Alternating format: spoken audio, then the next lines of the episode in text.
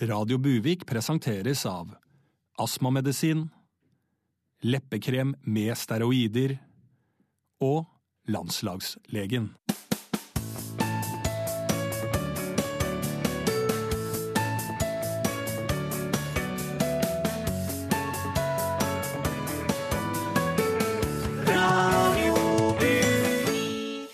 Hei på dere og riktig god lørdag ettermiddag. Jeg, Helle Dahl, er igjen klar for å lose deg gjennom én time med Radio Buvik, den nye lokalradioen for Norges minste storkommune, Buvik. Dette har jo vært en spennende uke. Ja, Norge har til og med vunnet en fotballkamp. Så la oss bare sette i gang, for kaffen den er nytrakta, og jeg er klar for å gi deg et eh, hei, hei og et dypdykk fra vårs i Radio Buvik. En 360 graders oversikt fra sjølve buljongen tatt Norge, nemlig Buvik kommune. Disney-filmen Frost satt Norge på kartet. Og nå er det en oppfølger på vei. Disney har nemlig vært på besøk i Karasjok for å gjøre research på samisk kultur som kanskje skal være med i filmen.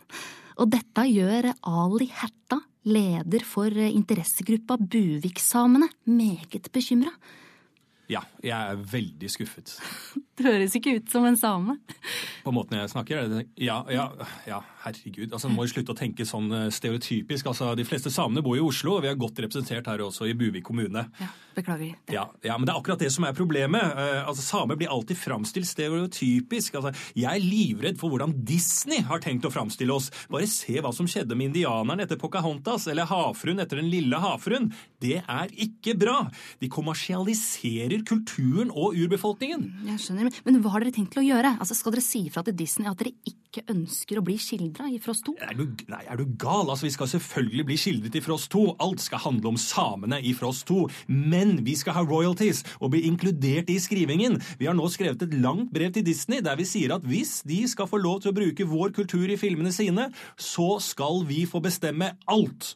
Og dessuten også få 50% av aksjene i Disney-konsernet og to gratisbilletter til Disney World Orlando. Og der kan vi også strekke oss til Euro, Euro Disney. Ok, men, men, dette kommer vel ikke dem til å gå med på? Jo, det gjør de vel. Altså, okay. For nå har vi lagd et utkast til en scene i Frost 2 som vi skal sende nedover til eh, Disney-hovedkontoret der. Eh, og den eh, scenen er meget overbevisende, så jeg blir overrasket hvis de sier nei til dette her. Ok, Vi kan jo høre på, på det. Ja, la oss gjøre det. Mm. Hold, oi, Anna, hold, hold an, hold, hold an, se der. Hva, hva, er det der borte? En jente med den flotteste kofta jeg har sett noen gang. Hallo? Hvem er, hvem er du for en? V vet du hvor vi er? jeg heter Aili, og dette er mitt land. Samelandet. Åh, det virker som et fantastisk land med et fantastisk folk. Fortell oss mer om det! Ja, ja, fortell, fortell! Mitt folk har vært her siden tidenes morgen. Vi er et urfolk. Urfolk? Hva betyr det for noe? Det betyr at vi er mye mer ekte og edle mennesker enn vanlige ikke-urfolk. Og at vi må vernes om, ikke tøyses med og ikke brukes i kommersiell og kunstnerisk sammenheng. Med mindre det er vi som får bestemme akkurat hvordan det blir og får alle pengene, eh, mener rettighetene. Vi er i kontakt med naturen og har ikke latt oss påvirke av de negative impulsene fra den moderne verden. Men vi har selvsagt GPS og snøscooter og iPhone, så ikke tro at vi er primitive av den grunn. Vi er bare litt ja, edlere. Å, det høres fantastisk ut. Å, oh boy! Jeg vil også bli urfolk!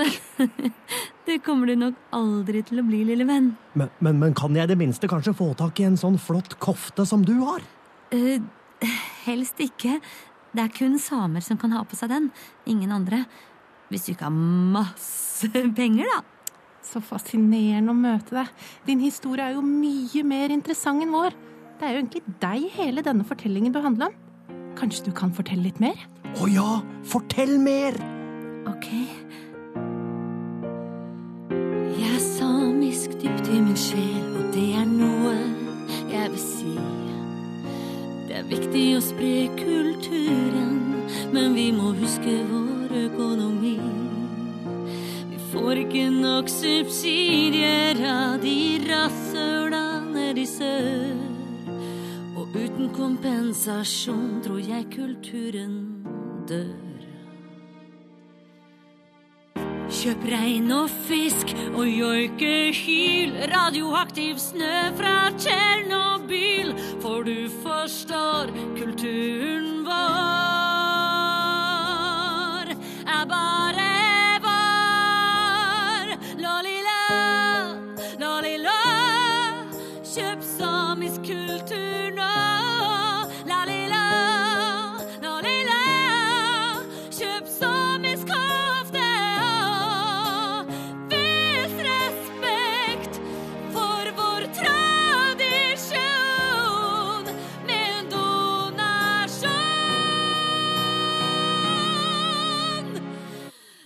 ca. 30% av bruttofilminntekt.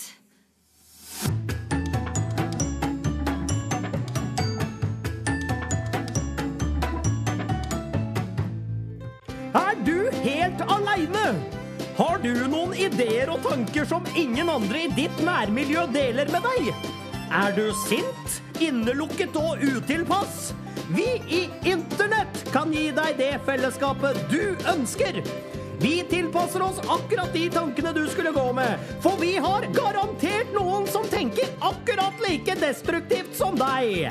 Internett kan også bidra med å utvikle de tankene og ideene du har, så du kan få et mer sammensatt, snevert livssyn. Internett gir deg samhold og folk som er helt enig med deg. Sjekk ut Internett, da vel, hvis du vil ha bekreftelse for din ellers elendige personlighet. Så hva venter du på? Åpne opp et internettvindu nå, da vel!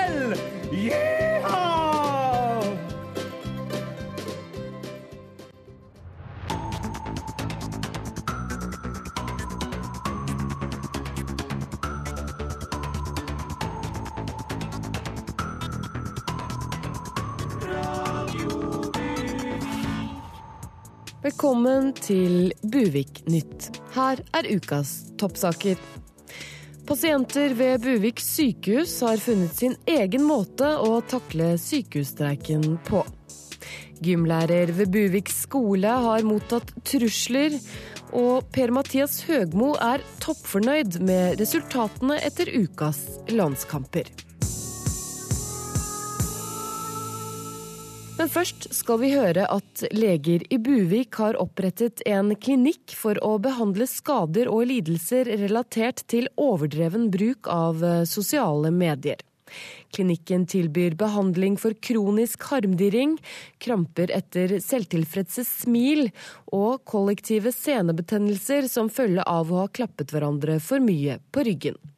I løpet av måneden vil de også kunne tilby laserbehandling for nyanseblindhet.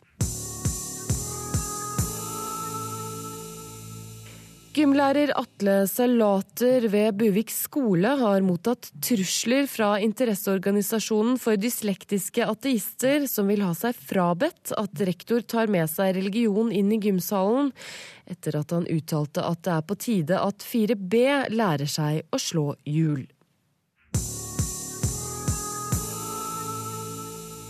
Etter klager på at deres kunder er lei av å kaste bort tiden på å velge om posten skal komme raskt eller sakte frem, har Posten nå kuttet ut eh, A-posten.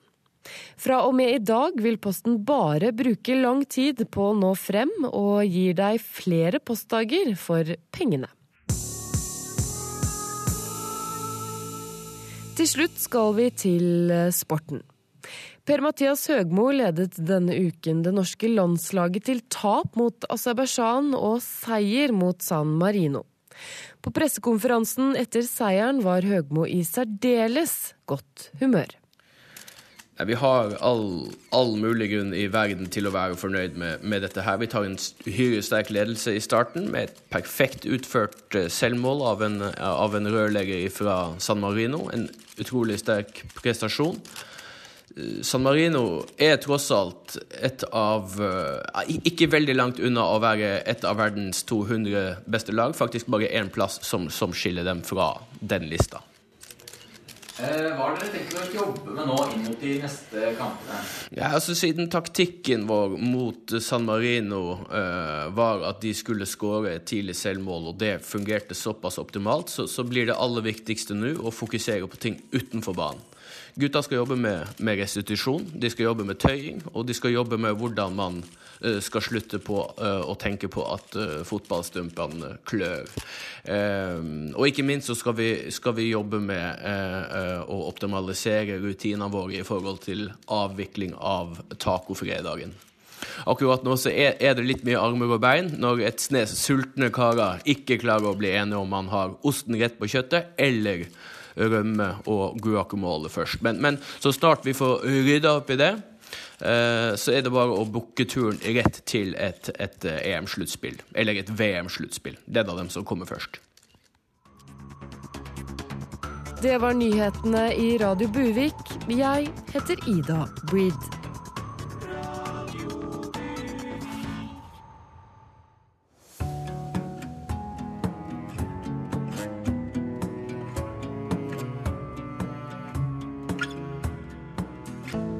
Jeg heter Helle Dahl, og Hey, Mr. Tambourine Man, play a song for me.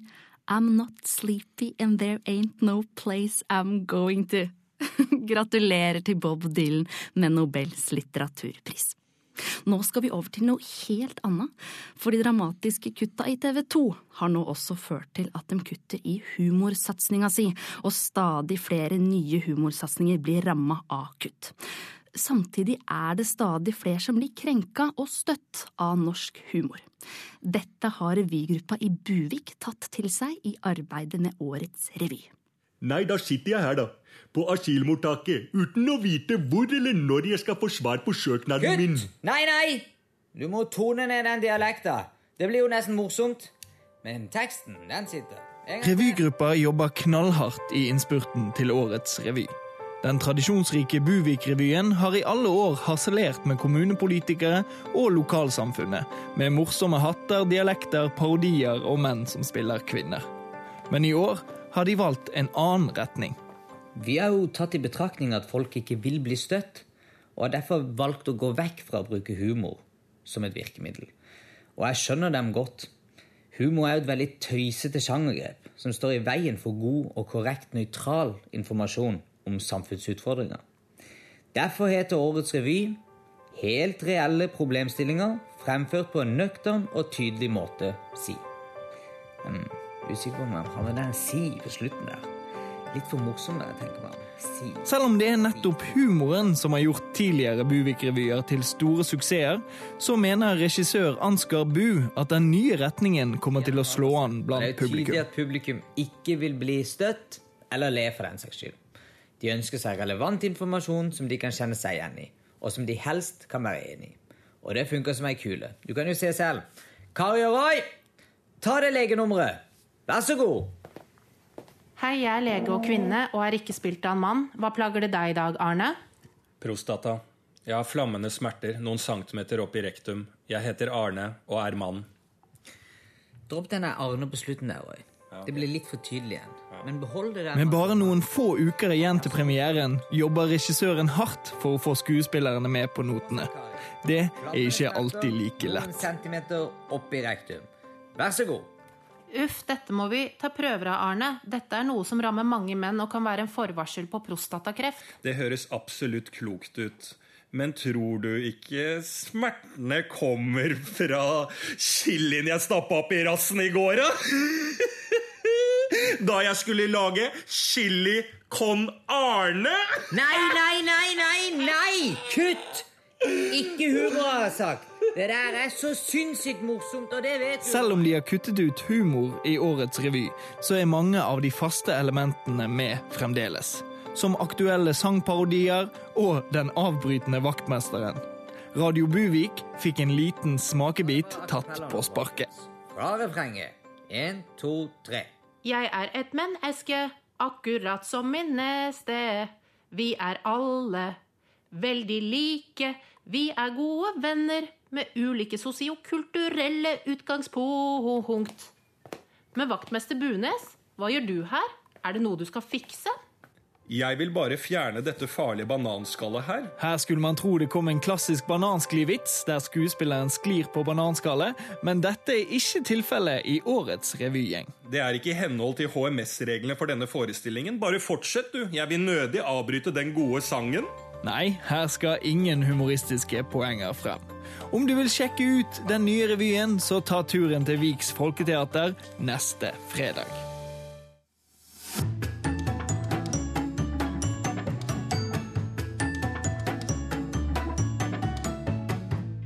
Sist uke kom regjeringa med sitt forslag til statsbudsjettet, og i ettertid har de fått mye kritikk for å gi dem rike mer og dem fattige mindre.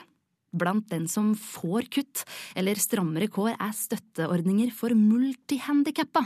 Og med meg i studio har jeg Frp-politiker Sebastian Lier og multihandikappa Lars Skog. Velkommen. Takk. Hallo igjen. Hei, hei. Ja, Lars.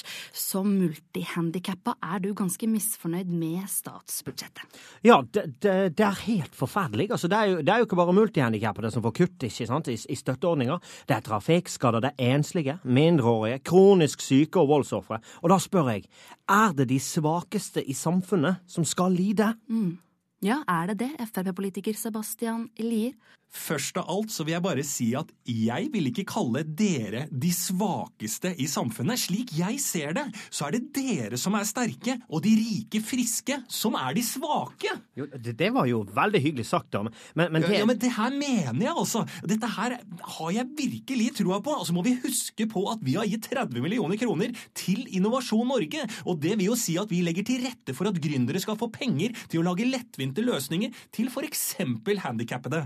Er ikke det bra? Jo, for så vidt så er jo det bra, og men det at vi foreslår å kutte formuesskatten med 500 millioner kroner, slik at de rike får en skattekutt på ca. 2000 kroner hver dag, legger jo til rette for at de gir litt ekstra penger til da veldedige formål. Er ikke det bra? Jo, det er Men, men, men Sebastian, du kan jo ikke komme utenom at dere kutter midler til folk som trenger det sårt. Overhodet ikke. Vi legger litt press på dem, slik at de ikke bare kan drømme om å jobbe, men faktisk tvinges til å jobbe. Jeg er sikker på at du, altså du, Lars, har en liten gründer liggende i den uh, stomiposen du har på magen. Stemmer ikke det? Jo, det, det, det stemmer jo. Altså, du, du treffer jo spikeren uh, rett på stomiposen, skulle jeg nær sagt. Altså, jeg, jeg har jo alltid drømt faktisk om å bli sanger. Ikke sant? Og nå må du bli sanger, for denne regjeringa her kommer ikke til å fòre deg med penger! Yes! Når, når du sier det på den måten, så tenker jeg at det er jo bra, for, for, for jeg har jo godt av å få litt press på meg, sant? Ja. Og, og siden de rike da får mer penger, så, som du sier, så kanskje de igjen kan sponse min sangkarriere. Ja, jo, ja, ja, altså nå bestemmer jo de rike hva de vil bruke pengene sine på. Men muligheten er der, og er ikke det bra? Jo, vet du hva?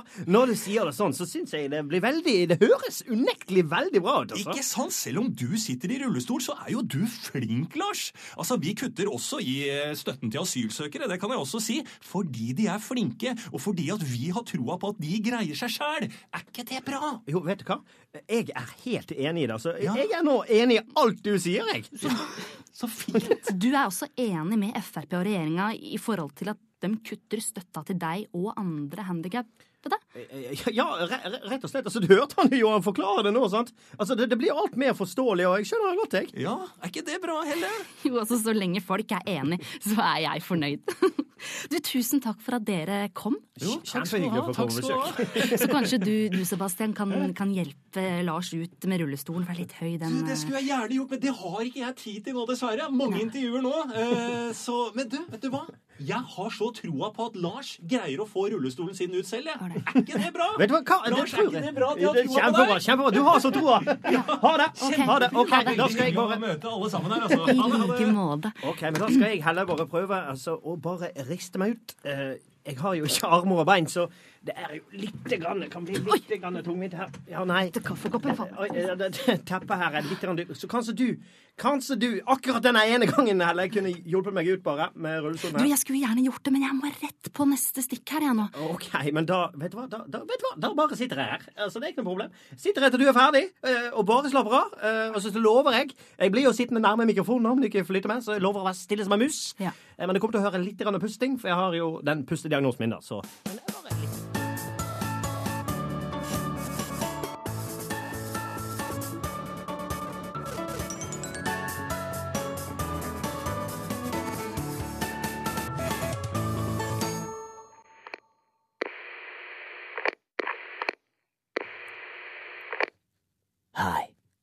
Flamingo Dingo. I'm calling to blow the whistle, bitch. Sorry. I'm on the run. I'm in Buvik. I've got information for you. In case they kill me. It's about NRK. I worked in NRK for 20 years. I saw things. I saw Stranger Things. No, not that show. But the truth about one show, på Have you ever wondered why John almost never aged? Have you ever wondered why på jokes never grew old? I know the answer. Because the source of eternal life and the fountain of youth are found concentrated within the writers of Nytt. I'm sorry. And NRK uses that formula to inject into the veins of their TV hosts. I've seen it with my own eyes, even though I'm blind on one eye. Yeah, they do it so that their hosts never grow old, so that Nytt can continue forever. Have you ever wondered why Knut Nærum aged the second he ended his career in Nytt? Why Lynn Skober looked younger and younger in her days of Nytt and when she left the show, she looked her age? Because they had been injected. The thing is that John wanted out because his wife and kids were out aging him. That's why he's leaving for TV Norge. And Bård is coming in. And why is that, hmm? Yes, because he wants to contain 44. So he can continue his show, Man 44, for the rest of his life. Yes, and have you ever wondered why it's called Nytt på Nytt? Because they get to stay new forever. This is Flamingo Dingo. I'm out.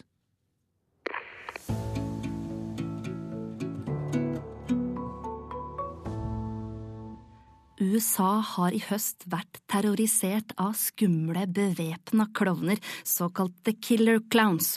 Og nå har det skremmende fenomenet kommet til Norge også. Folk er naturlig nok eh, skremte, men dette er også en stor påkjenning for landets klovnebefolkning. Da står jeg i lokalene til Buviks egen klovnetrupp, Buvik-klovnene, og her er stemningen alt annet enn lattermild. Klovneforeningens talsmann Boso Meyer Pettersen, du føler deg stigmatisert og mistenkeliggjort. Ja, nå står jeg her og så tullegråter jeg, men vi er faktisk fryktelig lei oss på ordentlig også, altså.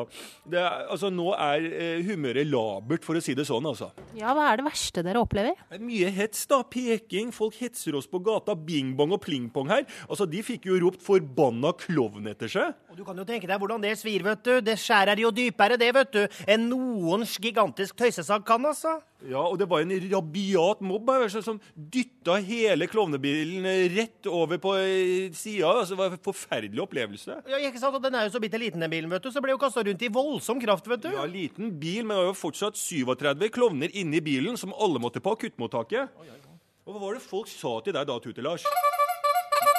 Ja, ikke sant, det stemmer det. Altså, Ha deg tilbake til manesjen, sa de til Tute-Lars. Og, så- og så ser vi at det har dukket opp langt flere hetsende, diskriminerende karikaturtegninger av klovner, med rød nese, f.eks. Og det er greit nok at vi har rød nese, vet du, men så rød nese her har vi ikke. Har han til det, vet du. Nei, det er trist og utrolig lei oss for det.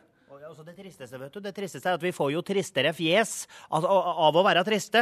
Og dess tristere fjes en klovn har, dess morsommere syns eh, folk det er, altså. Ja, Folk bare ler av oss hele tida. Sånn. Og folk har fullstendig feil inntrykk av oss klovner er for noe. Det er synd at noen få råtne tomater må ødelegge for oss alle. Nå må liksom vi ut og ta avstand fra alle disse jeg sier det, ja, jævla klovnene, som egentlig ikke vi har noen ting om å gjøre.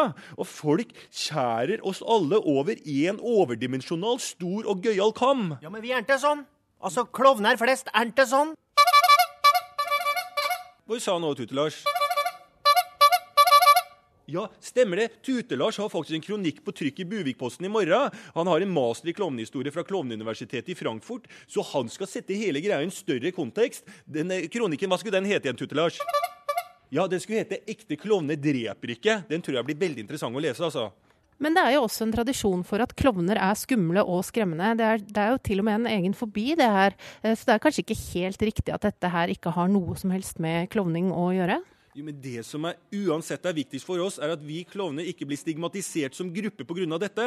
De aller fleste klovnene er veltilpasset borgere som respekterer norske samfunn, lover og verdier. Ja, ikke sant? Fordi alle morderklovner er kanskje klovner, men ikke alle klovner er morderklovner. Altså, det er veldig viktig for oss å få fram, altså. Ja, Du får sagt det du, Tute-Lars. Jeg synes den er fin. Det kan være avsluttende kommentar fra Tute-Lars, syns jeg. Takk skal dere ha. Takk. Det er godt det fortsatt finnes noen snille klovner.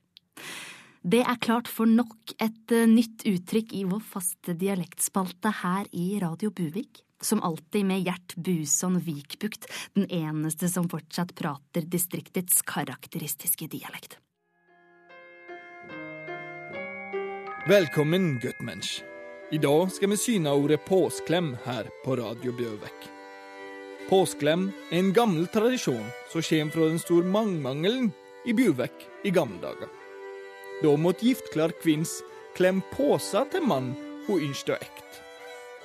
Kvinns tok et fast, men mjukt grep om både klumpene i skrittsekken. Mung strøk også tommelen varsomt over sædleder for å sikre et fertilt ekteskap. Da jubler folk i og kalte inn til bryllup. I moderne tid er det ofte kvinns som blir skrittklemt. På T-banen eller i folkemengd på musikkonserter. Og sjøl kanskje president av Uniten bruker den engelske variasjonen av skrittklem i dagligtalen.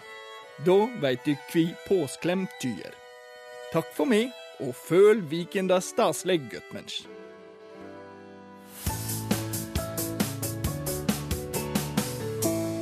Jens Stoltenberg er ikke den eneste politikeren som har skrevet bok i det siste. Også vår egen ordfører her i Buvik, Harald Andreas Bøksle, har skrevet i bok. Velkommen til oss, Bøksle. Takk, takk. Du, Fortell litt om, om boka di. Vet du hva det skal gjøre, Helle? Dette er ei historie om en relativt feit gutt med kronisk psoriasis fra bu. Oppvokst i et hus i Skubbfaret like ved busskuret gutta solgte hasj i. Som seinere skulle utvikle seg altså til toppolitiker og etter hvert lede sammenslåinga av to flotte kommuner til en vidunderkommune. Ikke sant, for, for boka di den følger din oppvekst. Den følger min dannelsesreise fra ung og lite verdensvant til en belest, erfaren globetrotter. Alt fra skoleåra mine og mine første politiske inntrykk, mine ideer og mitt møte med Amerika og de store verdenspolitiske tankene jeg fikk. Ja, for du har bodd i Amerika. Ja, Amerika det er mitt andre hjem, det, hele. Jeg var jo to måneder på utveksling da jeg var eh, 16, og, og etter det så fikk jeg mange tanker om meg sjøl, og det jeg tenker at andre burde vite om meg. Jeg visste umiddelbart at den eneste sjefen jeg kan ha, det er meg sjøl. Ja, men dette er også en bok hvor du deler en del dramatiske opplevelser. Ja, altså For å bli kjent med mannen bak fenomenet, så, så, så må en jo skjønne hva som ligger bak. Jeg har så mange interessante historier om meg sjøl. Jeg har dramatiske historier hvor jeg forteller hvordan jeg opplever andre mennesker jeg har hatt et forhold til. Jeg har holdt kortene tett til brystet da jeg var varaordfører, men nå har jeg blitt ordfører, og jeg mener at folk bør høre hva jeg egentlig mener om de jeg jobbet med, selvfølgelig fra mitt perspektiv. Denne boka gleder jeg meg til å lese, Bøksle. Men du har fått litt kritikk for spesialbehandling, eh, siden Malmskalkhaug forlag gir en høyere royalty-sats enn det som er vanlig. Det kan jo virke litt hva skal man, altså sosial, lite sosialdemokratisk. Nei, vet du hva, Helle, der må jeg le deg bort, for den kritikken blir for dum. Jeg har skrevet bok, og om jeg har skrevet bok, er det jeg som skal tjene de penga. Så det er ingenting å sutre for i Malmskalkhaug forlag, eller for dem forfattere der som gjerne skulle sutta på, på storutgivelsespuppen, altså, Helle. Ålreit. Boka di den kommer ut 20. november. Hva skal den hete? Min historie. Ok, Det samme som boka til Jens Stoltenberg? Altså, nå har, nå har, har ikke Jens patent på en historie, og om Knausgård kunne låne boktittelen til en viss eks-statleder, så kan vel jeg gjøre det samme, Helle. Det er klart du kan det, Muxle. Du alltid like hyggelig. Takk for at du kom. Du, Helle, du veit jeg er glad i å være her. Du hører nå på Radio Buvik. I den tredje sesongen av NRK-programmet Folkeopplysninga har Andreas Wahl bevist at man ikke kan få kontakt med de døde. Han kunne også vise til mediums juks, som beviser at all opplevd og framtidig kontakt med døde er oppspinn. I Buviks trosspalte God tro har vi møtt en buviker som vet alt om hvordan det føles når det du tror på viser seg å være feil. Jeg møter Mille på Buvik torg. Mille har hele livet vært et søkende menneske, og har alltid vært på jakt etter noe å tro på. Nei, nå har jeg prøvd all verdens religioner, og hver gang jeg har trodd på noe, så har det dukket opp informasjon som beviser at det jeg tror på, det stemmer ikke. Hver gang. Mille titter tomt ut i luften, mens munnen er halvåpen, som om hun alltid gestikulerer et Hæ? Jeg var i utgangspunktet katolikk. Og så finner jeg ut at for å få et barn, så må man ha en mann. Det går ikke med jomfrufødsel. Så da gikk jeg over til kristendommen. Og da plutselig er det en ny en som kommer og skal lære meg nei, at du kan ikke gå på vann. Hvis du går på vann, så må du være is, og hvis ikke så synker du rett ned. Og sånn har jeg holdt på hele livet. For å finne en ny religion. Men hver gang jeg finner en ny religion, så er det en logisk brist i religionen. Sånn har Mille holdt på i hele sitt voksne liv. Hun har prøvd alle verdens religionsretninger. Hun har prøvd seg som healer og sjaman, og til og med vært medlem av scientologikirken. Men bøker og annen vitenskap har kunnet bevise gang på gang at dette er ulogisk. Men det var når Mille så Åndenes makt på TV Norge, hun trodde at hun hadde funnet sin endelige tro. Altså, Jeg så det jo med helt egne øyne. Jeg satt og så på Åndens makt. Jeg så at dører gikk opp og ned uten at mennesker åpnet det. Jeg så at elektriske ting begynte uten at noen skrudde på. Det var skygger som gikk gjennom lokalene uten at det gikk et eneste levende menneske der. Og da skjønte jeg jo dette her er jo virkelighet. Og tolv sesonger, det kan ikke ta feil. Skuffelsen ble da ekstra stor da Folkeopplysningen avslørte at spøkelser ikke finnes, og det også er umulig å få kontakt med de døde. Nei, Jeg slapp haka ned i gulvet og mista livsnissen i samme åndedrag. Det er det jævligste jeg har hørt. Altså, Jeg var så skuffa. Jeg var altså så inn i helvete skuffa. Men så gikk det et lys opp for Mille. Altså At jeg ikke hadde tenkt på det før, i det hele tatt, er jo helt sinnssykt. Da sitter det et menneske inni TV-en min, rett foran øynene mine. Andreas Wahl. Så nå tror du på Folkeopplysningen. Mille tar opp en bunke med brosjyrer. Hun kaller seg nå Vals disippel og forkynner fakta på Buvik torg. Jeg går derifra og tenker for meg selv ikke er det min oppgave å fortelle henne at store deler av folkeopplysningen er basert på subjektive kildevalg og spekulativ klipping. Gå med val! God tro. Gå med val! God tro. På mandag var det verdensdagen for psykisk helse. Og i den forbindelse kunne vi også lese i avisene at norske fengsler ser en stadig økning av psykisk lidelse blant de innsatte. En rapport fra 2014 viser at 92% av de innsatte i norske fengsler hadde psykiske lidelser eller personlighetsforstyrrelse. Vi har fått besøk av fengselsbetjent Remi Wang, for dere ser samme utviklinga i Buvik fengsel. Ja, det stemmer. Akkurat nå trender angst og depresjoner hos vår våre innsatte. Du, si, du sier trender. Hva, hva legger du i det? Ja, altså Vi ser åpenhet rundt angst og depresjon gir økt status og respekt blant de innsatte. Gjengkultur og vold er ut, og åpenhet rundt psykisk lidelse er inn. Derav trending.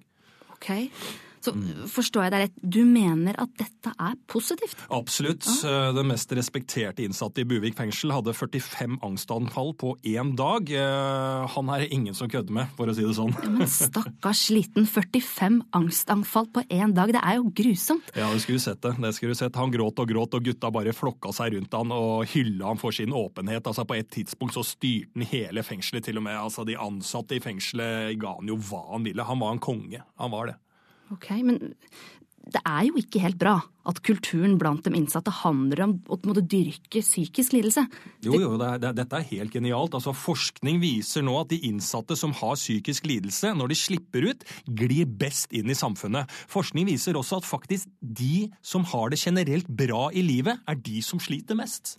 Jøss. Ja, og Dette kan man også se blant Buvik sine ungdommer. Sist helg var det en ung gutt som uironisk sa at han hadde det superbra, og han ble jo selvfølgelig skambanka av en gjeng med ungdommer. Det er jo helt forferdelig. Nei, nei, nei, det er, det er forferdelig. Nå må vi henge litt med her. Han hadde det bra, ble banka, nå har han det ikke bra, og det er bra. Okay, så, så, så det er altså bra å ikke ha det bra? Ja, selvfølgelig, men du må jo være åpen om at du ikke har det bra, ellers så kan folk misforstå og tro at du har det bra, og det er like ille som å ha det bra. Jeg håper ikke du har det bra, Helle? Altså skal jeg si, jeg har jo mitt å stri med sånn sett, men Ja, det er bra. Det er bra, det er veldig bra. Ellers så ville jeg anbefalt deg å starte på p-piller. Jeg har hørt at da kan du Ja, uansett. Det jeg prøver å si, at det er ingen arbeidsgiver som vil at folk skal ha det bra. Er du åpen om psykisk lidelse, så har du det bra. Og det er en kultur vi er stolte av å ha her i Buvik fengsel. Vi lever i Norge, ikke Afrika. Vi skal ikke ha det bra her hjemme, altså. ja, jeg, jeg tror jeg forstår det. Takk for at du kom. Ja, takk for meg også. Skal over til noen kompiser og være åpen om traumene jeg fikk da foreldrene mine skilte seg for 30 år siden. Oi, lykke til.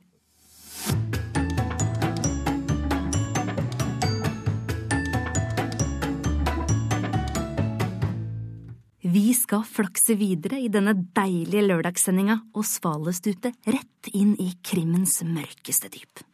For i 1992 blir Lene Vasserud funnet kvalt med en plastpose over hodet og et måkenebb i gap over stortåa. Flere blir mistenkt og uglesett, men ingen blir dømt.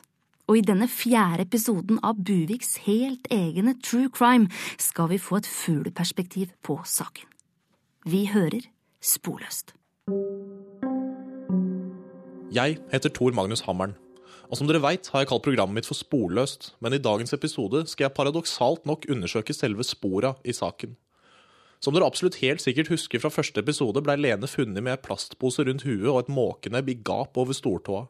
Makabert? Klabert. Og kult? Ikke så veldig kult. Men hvis det er én ting jeg har lært av en viss personlig helt bosatt i Baker Street, og egentlig også Rema-Reitan, så er det at det enkleste svaret ofte er det beste. Men et prinsipp er ingenting om du ikke bruker det i praksis. Jeg måtte ut i felten. Den dagen skulle jeg gjerne ha glemt. Jeg er tilbake på marinaen til Bengt Knop, for det var i hans båt Lene blei funnet. Visste han noe mer om disse spora? Kvelden før hadde jo trollingene spilt borte mot Ranheim i cupen og tapa på mål som skulle over i offside. Sov dårlig den natta der, så- jeg dro ned til marinaen, som jeg alltid gjør dagen etter at RBK taper. Når Båten så helt normalt ut. den var ikke noe skavank eller tegn på noe kriminelt utafor. Men det var jo lukta. Bengt er tydelig opprørt over minnene fra funnet alene Og det fotballandslaget. Og så med halvparten av laget fra Rosenborg går det ikke an å tape 1-0 mot de jævla sjørøverne fra Aserbajdsjan. Er det mulig? Bengt snakker lenge om passivt norsk forsvarsspill, men så kommer han tilbake på rett spor. Det nebbet sto som et cornerflagg på tåa til Lene. Og corner er ikke alltid mål, sjø. Corner kan være drap på det. Var det noe tegn til innbrudd eh, nede på marinaen? da? Nei, øh, det er jo bare to nøkler. Jeg har den ene, og den andre henger på politihuset i tilfelle noen må rykke ut en øy og trenger gummibåt øh, litt kvikt. Var det noen utrykninger i 92 av den sorten? da? 92 Nei, lite politi. Men måker så det holdt, da. Og måkedritt på bilruta, vindusruta, båtruta, bussruta. Så Terje tok ansvar og skjøt et par hundre måker det året. Og Helt i hundre, vet du. Så fikk han seg som foodtruck på kaia. da. Og solgte måk og pommes frites ut av andre søndagen i advent. Utrolig at han fikk til det mens han var politi. Lensmann Terje Aarvik har tidligere fortalt meg at nebbet og posen ikke var noe de så på som bevis. Å se sånn forsøpling gjorde meg rett og slett rasende, så det gikk rett i dunken. Men hvis det var en måkelandeplage i bygda det året, så er det ikke rart at han kasta ned nebbet. Kunne én eller flere aggressive måker ha tatt livet alene? Ja, man kan trene opp en fugl i å bistå i drap, men da må du velge riktig art. Ornitolog Toril Slagugla Lund har insistert på å gjøre intervjuet i fugleburet her på Buvik Zoo. En kjøttmeis vil for eksempel være uegnet, fordi den verken spiser kjøtt eller meis. Og den har ikke nødvendig styrke og hjernekapasitet. Men, men er det mulig å trene opp en måke til å drepe en kvinne? Ja, hva var det du het igjen? Jeg heter Tor Magnus Hammeren. Ja, Tor Magnus. Nå må du være forsiktig med å ikke skjære alle måker under sammennebbet. Altså, En krysje vil eksempel ikke ha sinne som en svartbakk har. Vil du ha en måke til å drepe noen, så velger du en tyvjo. Evolusjonen har selektert dem til å stjele fisk fra andre fugl med beundringsverdig sinne. Er det mulig for den tyvjoen å, å overleve uten nebb? Ja, altså, en måke som mister nebbet, vil ikke nødvendigvis dø umiddelbart. Fordi blodtilførselen til nebbet er så sabla lav. Men nebbet det er viktig sosialt, altså. Så en måke uten nebb den får redusert funksjonsevne i interaksjoner med flokken. Ja, Du kan sammenligne det med en, en mann som skulle miste herrenebbet. Ja, Han hadde ikke dødd, men det er ikke mye til liv. I teorien kan altså en mordermåke selv ha flydd fra åstedet, men hvor har han i så fall blitt av? Toril har bedt om å få sitte på skulderen min gjennom hele intervjuet, fordi hun er født i feil art. Ja, ja, nå må jeg fly og rekke meisbollesalget. Snakkes! Det er ikke lett å komme til bunns i disse spora, og særlig denne påsen er det lite å finne noe om. Alle fra Buvik har ei pose fra samvirkelaget. Men hvis noen har sett en måke uten nebb, så ring meg. Og hvis du har sett et nebb uten ei måke, mail meg. Hvis du har noe cash, ta vips meg, for det begynner å gå utover min personlige økonomi med all denne etterforskninga her. I neste episode skal vi gå inn på de mistenkte, for med så mange løse tråder sier det seg sjæl at politiet hadde litt av en jobb. God helg, Buvik. Vær trygge der ute. Vi hørs. Ja, neste uke her i Radio Buvik får du femte episode av Sporløst. Filmen Burning 2 har hatt premiere denne uka, og den omtales som sterkt kvinnefiendtlig av en anmelder. I tillegg kritiseres norske filmer og TV-serier generelt for å ikke ha nok gode kvinneroller. Vi har fått besøk i studio av Radio Buviks filmanmelder Melvin Glomstein. Hei, hei. Hei. Har du en anmeldelse av Burning 2 til vårs? Nei, vet du hva, den, den har jeg ikke sett. eh, Men jeg har ikke noe problem med å se for meg at denne filmen er forferdelig kvinnefiendtlig. Altså, altså, jeg tipper at jeg kanskje ville gitt den ternekast to, da. Ja, jeg også. Ja, men Det kan jo hende at den er ganske mannefiendtlig også. Altså, De fleste mennene i filmen virker jo ganske ubrukelige. Nå er du så herlig naiv, eh, jenta mi. Eh, Du må huske på det at i motsetning til mannlige karakterer, så er jo enhver kvinnelig figur på film eller TV alltid en representant for hvordan filmskaperne mener at alle kvinner er. Altså, de er fryktelig fæle til å generalisere, da, disse filmskaperne. Det skal jeg huske på. Men har du kanskje noe annet til oss, siden du ikke har fått sett noen av ukas premierer? Å ja da, jeg fikk eh, omsider ordnet barnevakt til shitsuen min Fred, så jeg fikk dratt og sett Kongens nei. Forferdelig film, terningkast to. To? Ja, eh, kun terningkast to. Altså, jeg kan lese et lite utdrag fra min eh, anmeldelse her, skal vi se. Allerede etter to minutter er det klart at krigsdramaet Kongens nei har et kvinnesyn som hører hjemme på 40-tallet. Filmen fremstiller utelukkende menn som ledere og beslutningstagere, og samtlige av hovedpersonene er menn. Hvorfor i all verden måtte det absolutt være en konge som sa nei, og ikke en dronning? Kunne han ikke ha en kronprinsesse i stedet for en kronprins? Og hvorfor hadde ikke Oscarsborg en kvinnelig øverstkommanderende? Prøver filmskaperne å si at kvinner er dårligere til å senke tyske krigsskip enn menn? Men eh, du er klar over at denne filmen skildrer en historisk hendelse? Og at de faktiske personene involvert var menn? Ja, ja, men Helle, altså det, det er ingen unnskyldning. altså, jeg, jeg skriver videre. Det er ingen unnskyldning. Da må man lete etter de gode kvinnehistoriene. Hvordan vet vi for eksempel at ikke dronningen også sa nei? Men altså, det veit vi jo fordi at kong Haakon var enke på den tida. Ja, men Det blir for lettvint, eh, Helle. Altså, da har ikke filmskaperne prøvd hardt nok. Og, og, og uansett, selv om alle de historiske personene var menn, er det ingen unnskyldninger for ikke å gi rollene til kvinner, hva? Altså, som mann skammer jeg meg over at vi ikke tør å gi kvinnelige skuespillere den tilliten. Så du tenker altså at en, en kvinne skulle spilt kong Haakon? Ja, hvorfor ikke? Altså, I 2016 er sminke- og datateknologien kommet såpass langt at det ikke ville vært noe problem. Altså, eller mener du kanskje at en kvinne ikke er gode nok skuespillere til å ha hovedrolle i Kongens nei? Altså, Dette må vi holde oss for gode for, altså, i verdens mest likestilte land i 2016. Altså, Hvis hun jenta i Løvekvinnen da kan spille en løve, og, og Toralf Maurstad kan spille pinnsvinet Ludvig, må vel da Ane Dahl Torp kunne spille kong Haakon den syvende av Norgeforsvingene? Ane Dahl Torp? Ja, eller Agnes Kittelsen. Hun har jeg ikke sett Hun har jeg ikke sett på veldig lenge. Terningkast én. Terningkast du, du sa jo terningkast to. Jeg har akkurat. ombestemt meg. Ok. Vi hørte Radio Buviks filmanmelder Melvin Glomstein og hans anmeldelse av Kongens nei. Takk for at du kom, Melvin. Ja, takk kan du selv være.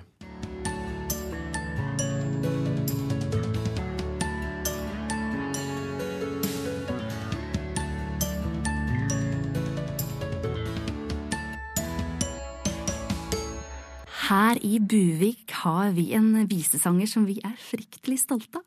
Han heter Åsen, og Åsen lager sjanger om hvordan uka hans har vært.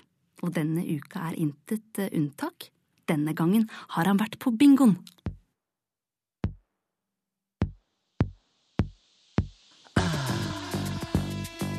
Ja Er Åsen her helt alene i Buvik i dag? Jepp. For nå har kona og sønnen min dratt av sted. Og tatt en tur med danskebåten, så pappa får være i fred. Jeg går nedover gaten og stopper ved en pub. Ta så gi meg en kald og frekk en, er du snill, jeg setter meg ned. Og skrur på fotball på TV-en. Men ja, ja er så skuffende. Norge klarer ikke å vinne noen år lenger. Hva skal jeg finne på da, mon tro? Nå fikk jeg en idé. I dag skal jeg på bingo.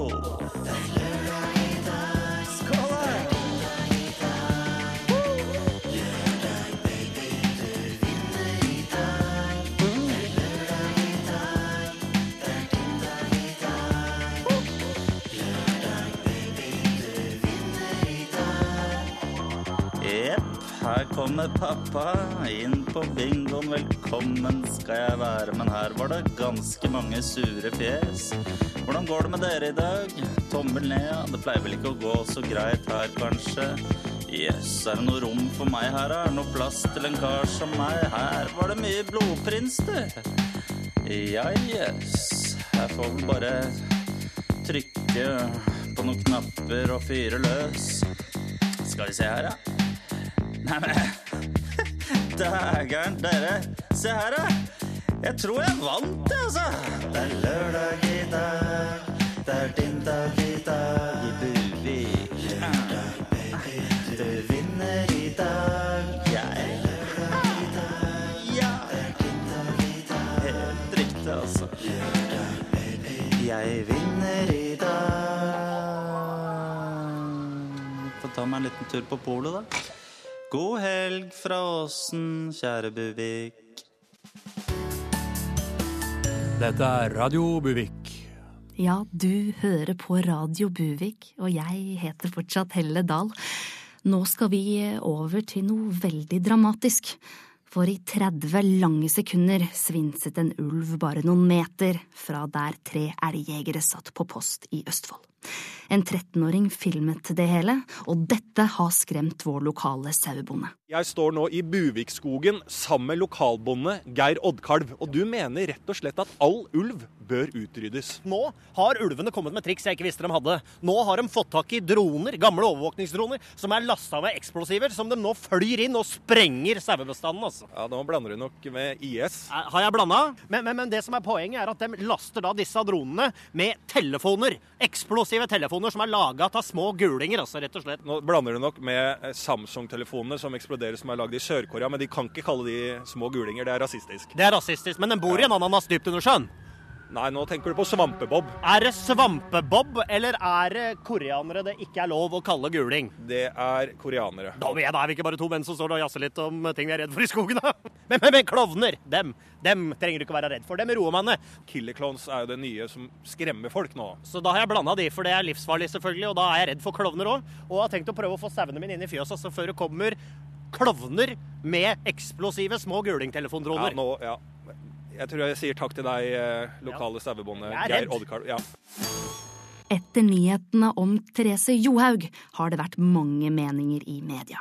Vi har sendt ut vår reporter Henriette for å høre hva folk i Buvik tenker. Det stemmer, Helle. Nå står jeg nede på Buvik eh, torg, og det er en tydelig preget eh, befolkning som er rundt meg. Og her går det en forbi meg. Jeg skal bare spørre deg, hva tenker du om katastrofen fra torsdagen om Johaug? Jeg er glad at du spør, altså som en person en litt sånn morofyr, som en person en litt sånn komikerfyr med one-liners, så er det rett hjem til Twitter nå. For dette er tidenes smørebom! Ikke sant? Man kan jo spørre seg hvilke, altså, hvordan får du så mye snerver gjennom leppa? Hvilke lepper har hun smurt det på, si? Therese Jokshaug? Fy faen, altså. Hun burde holde seg til å smøre skia. Kanskje legen skulle slutte å latt eh, smørebussen ta jobben? Jeg må komme meg til Twitter. Fy faen. Og her sitter det en liten kall og spiser lunsj. Hei, god lørdag. Hei, god lørdag. Jeg lurer på, hva tenker du om katastrofen rundt Johaug? Det er helt sikkert Russland som står bak dette. Da står det to gutter og koser seg her. Hei! Vi kommer fra Radio Buvik og lurer på hva tenker dere om dopingkatastrofen eh, Johaug? Det er jättehemskt hva som har hendt. Og vi, vi fra, från det svenske folket tar ingen glede ur det her. I det, i det, överhuvudtaget. Det er svårt for Therese å bli taget for på og fanteri.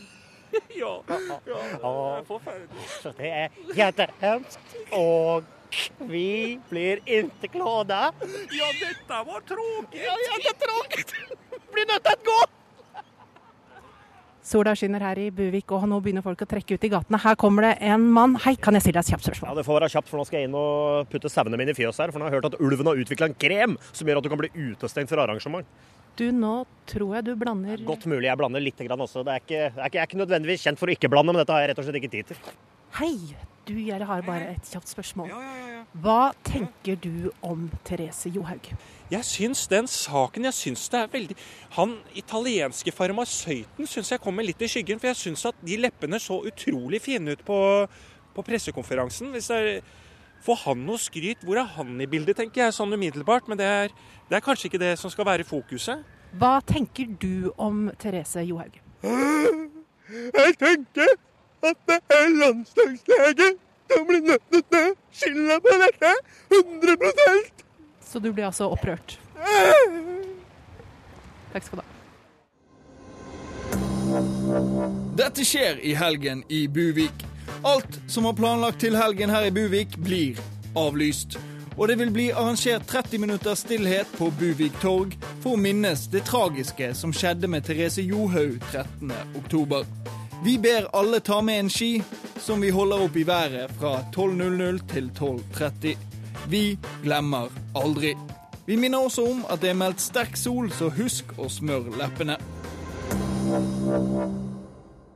Det var mange som reagerte da rektor på Ekholt skole oppfordra foreldre til å styre unna ordet jul i alle arrangementene i desember, av respekt for elever som ikke feira jul. For i desember så hoper det seg jo opp med, med juleball og julelunsjer i den norske skolen. Og med oss i studio har vi rektor ved Buvik skole, Lasse Ransel. Og du har en litt annen løsning. Eh, Det stemmer. Eh, Jeg mener at man i stedet for å unngå høytidene bare noen feirer, så må man vise alle helligdager den samme respekten. Norge er en smeltedigel av religioner og trosretninger, og da skal selvsagt alle helligdager være like viktig. Ikke sant? Og da, da tenker du på jul, id, ramadan, påske osv. Ja, eh, men men det er bare en brøkdel av hva dette initiativet vil innebære. Du glemmer jo da for eksempel Jom Kippur, Ashura, Dia del Rassa, Boekok Panza og Columbus Day. Altså, jeg kunne holdt på i timevis om jeg skulle ramse opp alle, og, og det er så viktig at alle behandles med den samme respekten i Norge. Ingen helligdager skal være viktigere enn andre. Ja, for du, du mener dette skal gjelde hele det norske samfunnet? Ja, så men, vi i Norge må inkludere og akseptere, og en viktig del av dette er å dele kultur og tradisjoner. Ta for eksempel en som har flyttet hit fra Nepal. Ja, han eller hun skal ta del i norsk julefeiring, men da skal det også tilrettelegges og feires Magesa Granti med like mye brask og bram, ellers blir det urettferdig. Men vil ikke dette bli litt tungvint og dominerende i skolen og media for øvrig? Tungvint? Synes du det er tungvint med fest og moro? Nei, altså, men tenk deg da, Helle, et samfunn hvor for eksempel Karl Johan da er pyntet til en ny høytid hver dag. Den ene dagen er det julepynt, og den neste er det maholodpynt i alles vinduer. Altså, noen dager er det pyntet til opptil 48 forskjellige høytider samtidig. Hvilken fest det vil bli! Og hver eneste dag er både kvelden og kvelden før kvelden! Grevinnen og hovmesteren på TV hver dag! Et samfunn i konstant likestilt fest! Og det høres jo nektelig fryktelig moro ut, men blir det tid til noe annet enn helligdager? Nei, eh, med 4200 forskjellige religioner og trosretninger på verdensbasis vil den nye likestilte kalenderen være fylt med kun røde dager. Eh, Og når det er rød dag, så skal man ha fri. Og, og samfunnet vil kollapse totalt. Men likestilling er såpass viktig at det er en pris man bare må betale. Jeg liker engasjementet ditt, Lasse. Takk for at du kom. Hyggelig å være her.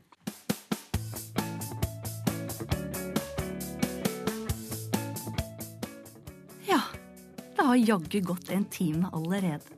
Tusen takk for at dere fulgte med oss her i Buvik. Jeg må innrømme at jeg gruer meg litt til å gå ut. Kanskje står det en klovn rett rundt hjørnet? Nei da, vi får håpe det går ålreit. Du kan også høre på Radio Buvik eh, på podkast, så det er bare å laste vårs ned. Da har jeg kun én ting å si, og det er god Buviken, folkens!